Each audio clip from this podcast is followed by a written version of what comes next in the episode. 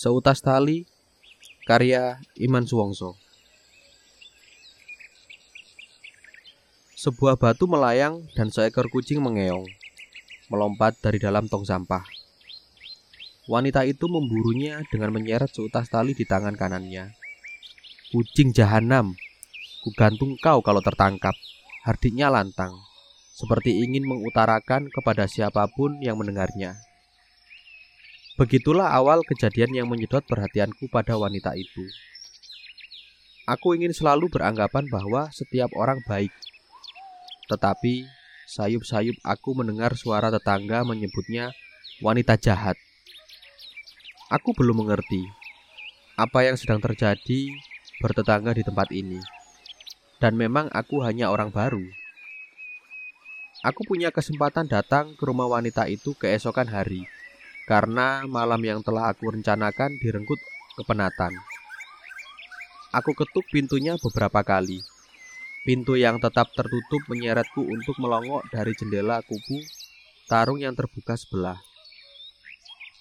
Aku terkejut sesaat, hanya sesaat, tetapi sempat menarik kepalaku keluar dari bingkai jendela itu. Tali yang diseret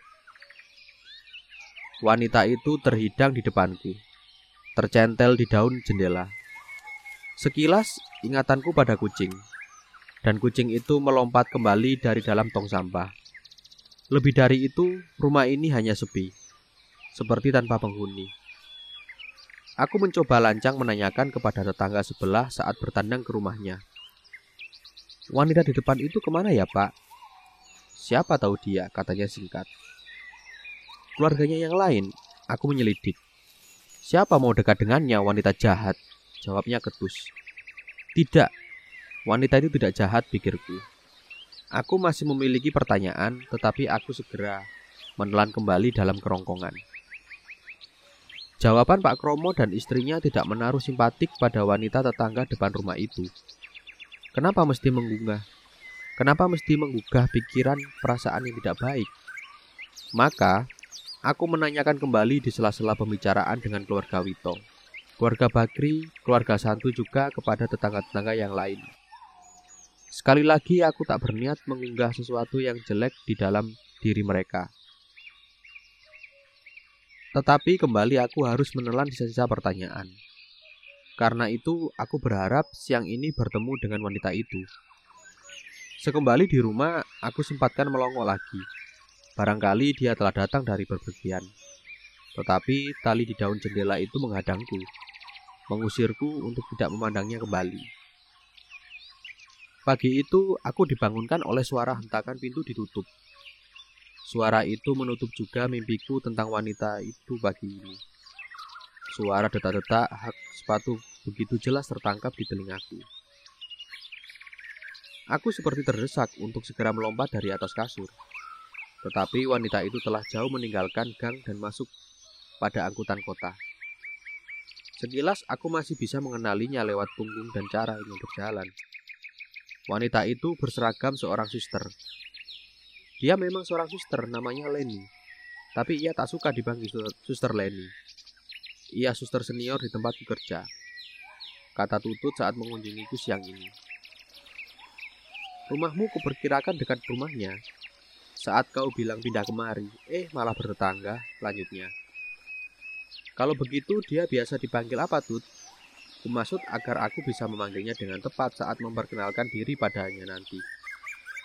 Dia biasa dipanggil Bu Leni, tetapi saat suka dipanggil Nyonya Leni jelasnya. Baiklah, nanti aku akan berkenalan dengan memanggilnya Nyonya Leni.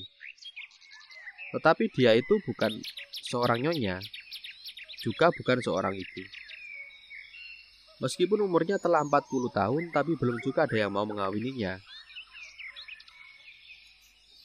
Dia tak mempunyai suami, tetapi ia akan selalu memperkenalkan diri Bu Leni atau Nyonya Leni pada setiap orang baru di bangsal tempat kami kerja. Tutut menggambarkan panjang lebar. Kamu terlalu tahu, kataku sambil memijit hidungnya. Setiap orang di rumah sakit tahu kalau dia tidak punya suami. Meskipun ia akan selalu bilang suaminya sedang tugas keluar kota, keluar Jawa. Bahkan tidak malu-malunya mengatakan suaminya sedang bertugas ke luar negeri. hanya karena tak sampai hati kawan-kawannya menahan bahak di depannya. Tutut makin berapi-api. Kamu jangan menaruh anggapan yang buruk, Tut. Aku tidak beranggapan buruk. Kamu nanti pasti tahu tingkah lakunya. Dia itu jahat. Dia suka menekan suster-suster baru, terlebih pada siswa-siswa perawat. Ia selalu memberikan beban kerjanya pada mereka. Kalau anak-anak baru itu mencoba menolaknya, ia akan mengumpat kucing.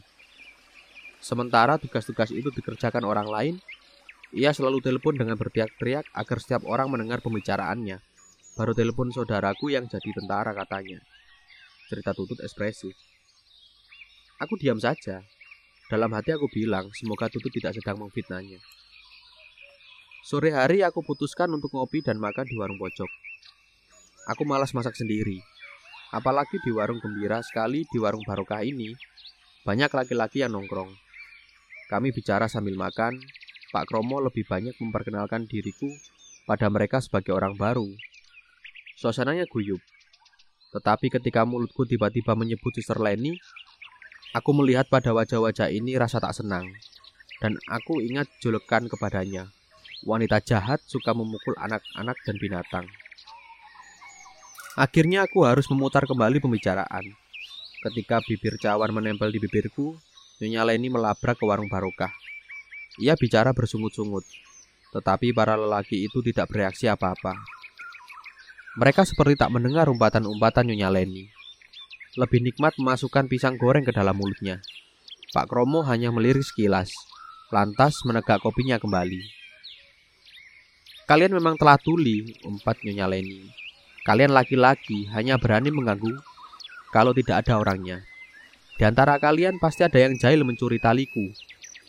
Kalau tidak mengaku, saya akan adukan kalian pada saudaraku yang jadi polisi. Lanjut umpatnya. Aku hampir menimpali, Sebelum berangkat ke warung ini, aku melihat tali itu masih tergantung di daun jendela, seperti biasanya. Tetapi Pak Kromo menarikku. Sudah biasa dia seperti itu. Pasti ada permainan baru. Pasti ada rencana jahat lagi, kata Pak Kromo. Sepulang dari warung, kutemukan sutas tali milik Nyonya Leni di depan rumahku. Aku kenal betul tali itu. Begitu gembira seperti seorang pahlawan, aku sampaikan tali yang aku temukan kepada Nyonya Leni. Nyonya Leni telah duduk di ruang tamu saat aku mengetuk pintunya. Apakah tali ini yang dicari Nyonya Leni? Aku setorkan tali di genggamannya. Oh, ya, tepat. Ini tali saya. Ada di mana? Yang menarik tali itu. Di atas serumputan depan rumahku, jawabku. Kenapa ada di situ? Gumam Nyonya Leni menyentak. Ya, kenapa tali itu berada di halaman rumahku? Aku sangat dungu.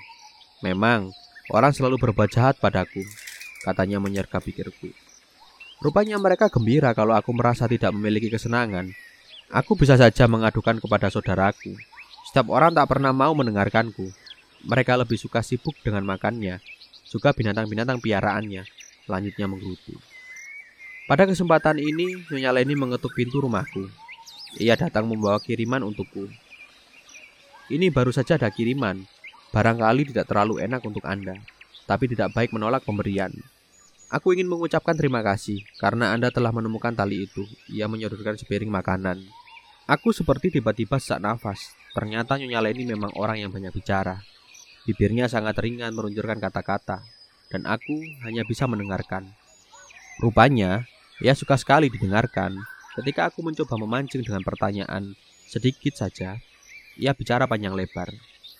Aku mencoba menerima tekanan ini, Aku tak ingin memperdulikan kebenarannya. Ia seperti menemukan tumpuan luapan dalam dirinya kepadaku. Dan tiba-tiba, aku berkesan ia bukanlah orang yang bisa dibilang jahat. Bahkan ia baik. Begitulah akhirnya, hari berganti hari, minggu berganti minggu, aku menjalin hubungan yang baik dengan Nyonya Leni sebagai seorang tetangga.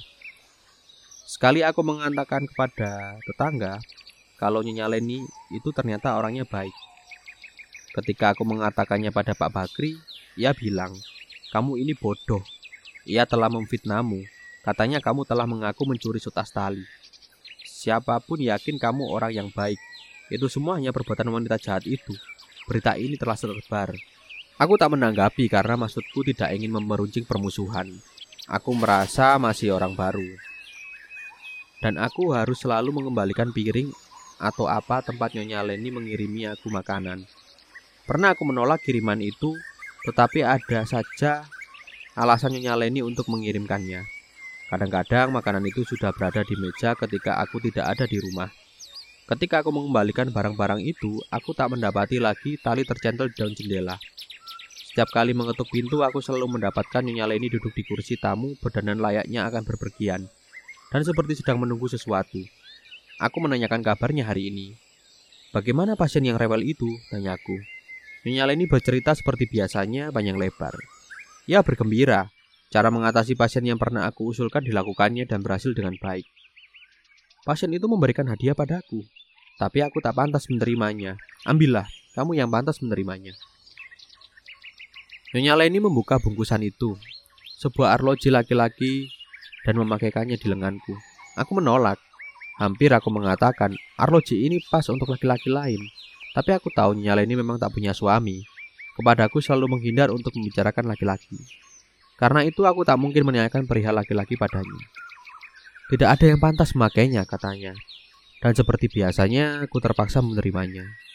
Lantas, Nyonya Leni selalu memberikan nasihat-nasihat tentang kesehatan padaku. Ia selalu memulai dengan kisah-kisah pasien dan penyakitnya. Pasien itu aku kira hampir mati, katanya dengan semacam penyesalan yang mendalam. Ia batuk-batuk penuh darah. Ia bekas orang yang suka begadang dan merokoknya bukan main. Dan tak pernah berhenti sebatang pun. Cobalah kamu kurangi merokoknya agar tidak bronki. Lanjutnya, aneh sekali memang. Aku jadi sering menuruti kata-kata Nyonya Leni. Ketika Tutut datang, ia melaporkan kejeliannya padaku. Di rumah sakit, Nyonya Leni sekarang banyak berubah katanya.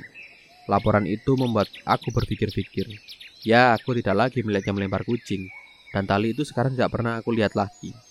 Aku tidak pernah melihat kejadian yang kata tetangga, Nyonya Leni suka menggantung kucing. Di hadapanku wanita malang ini tak mempunyai rencana-rencana jahat. Ia orang yang baik. Dan sekarang, rajin dan banyak diam. Ia melakukan pekerjaannya dengan ceria dan hampir tidak pernah menekan perawat-perawat baru.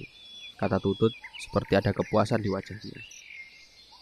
Ia mengabarkan kepada seluruh orang di rumah sakit suaminya telah pulang. Beberapa minggu yang lalu ia membawa obat-obatan, katanya untuk suaminya sedang sakit lanjutnya. Suaminya telah pulang beberapa minggu yang lalu aku sakit. Nyonya Leni memberikan beberapa obat untukku. Aku tercenung berpikir, Tiba-tiba Nyonya Leni muncul di muka pintu. Seperti biasanya membawa kiriman untukku. Aku harap keterkejutanku ini bisa kubalaskan dengan memperkenalkan tutut padanya. Kalau kami jodoh, dia akan menjadi istriku, kataku pada Nyonya Leni. Tetapi aku melihat Nyonya Leni tidak terkejut sedikit pun. Biasa-biasa saja. Malah ia kelihatan begitu akrab dengan tutut. Tetapi yang menggelisahkanku kemudian Sejak pertemuan kami bertiga dan selalu menyeretku duduk berlama-lama di teras. Sejak itu aku selalu gagal menemui Nyonya Leni kembali. Ia tak lagi mengirimi aku makanan kiriman saudaranya dan aku menjadi gelisah karenanya. Aku mengadukan kepada Pak Kromo juga pada Pak Bagri. Tetapi mereka hanya bilang, itulah sandiwaranya yang memuakan. Dan sore ini aku mendengar suara jatuh dan kucing mengeong di dalam rumah Nyonya Leni. Aku mengangkat wajahku. Dari teras rumah ini aku bisa melihat ke dalam rumah Nyonya Leni. Aku melihat tutas tali yang dulu diseret untuk mengejar dan menggantung kucing bergantung kencang, bergoyang-goyang berat dalam bingkai jendela. Tali itu selalu memanggilku, kegelisahanku semakin menjadi. Tetapi aku tak berani mengangkat wajahku lagi. Setiap kali aku hanya mendengar kucing mengeong, melompat di tong sampah dan suara tetangga terbahak-bahak seperti sedang melihat sandiwara. Dan tali itu mengambang di pelupuk mataku menjerat leher. Aku tak pernah menemukan Nyonya Leni lagi. Joglo, Panan Landung, Oktober 2016.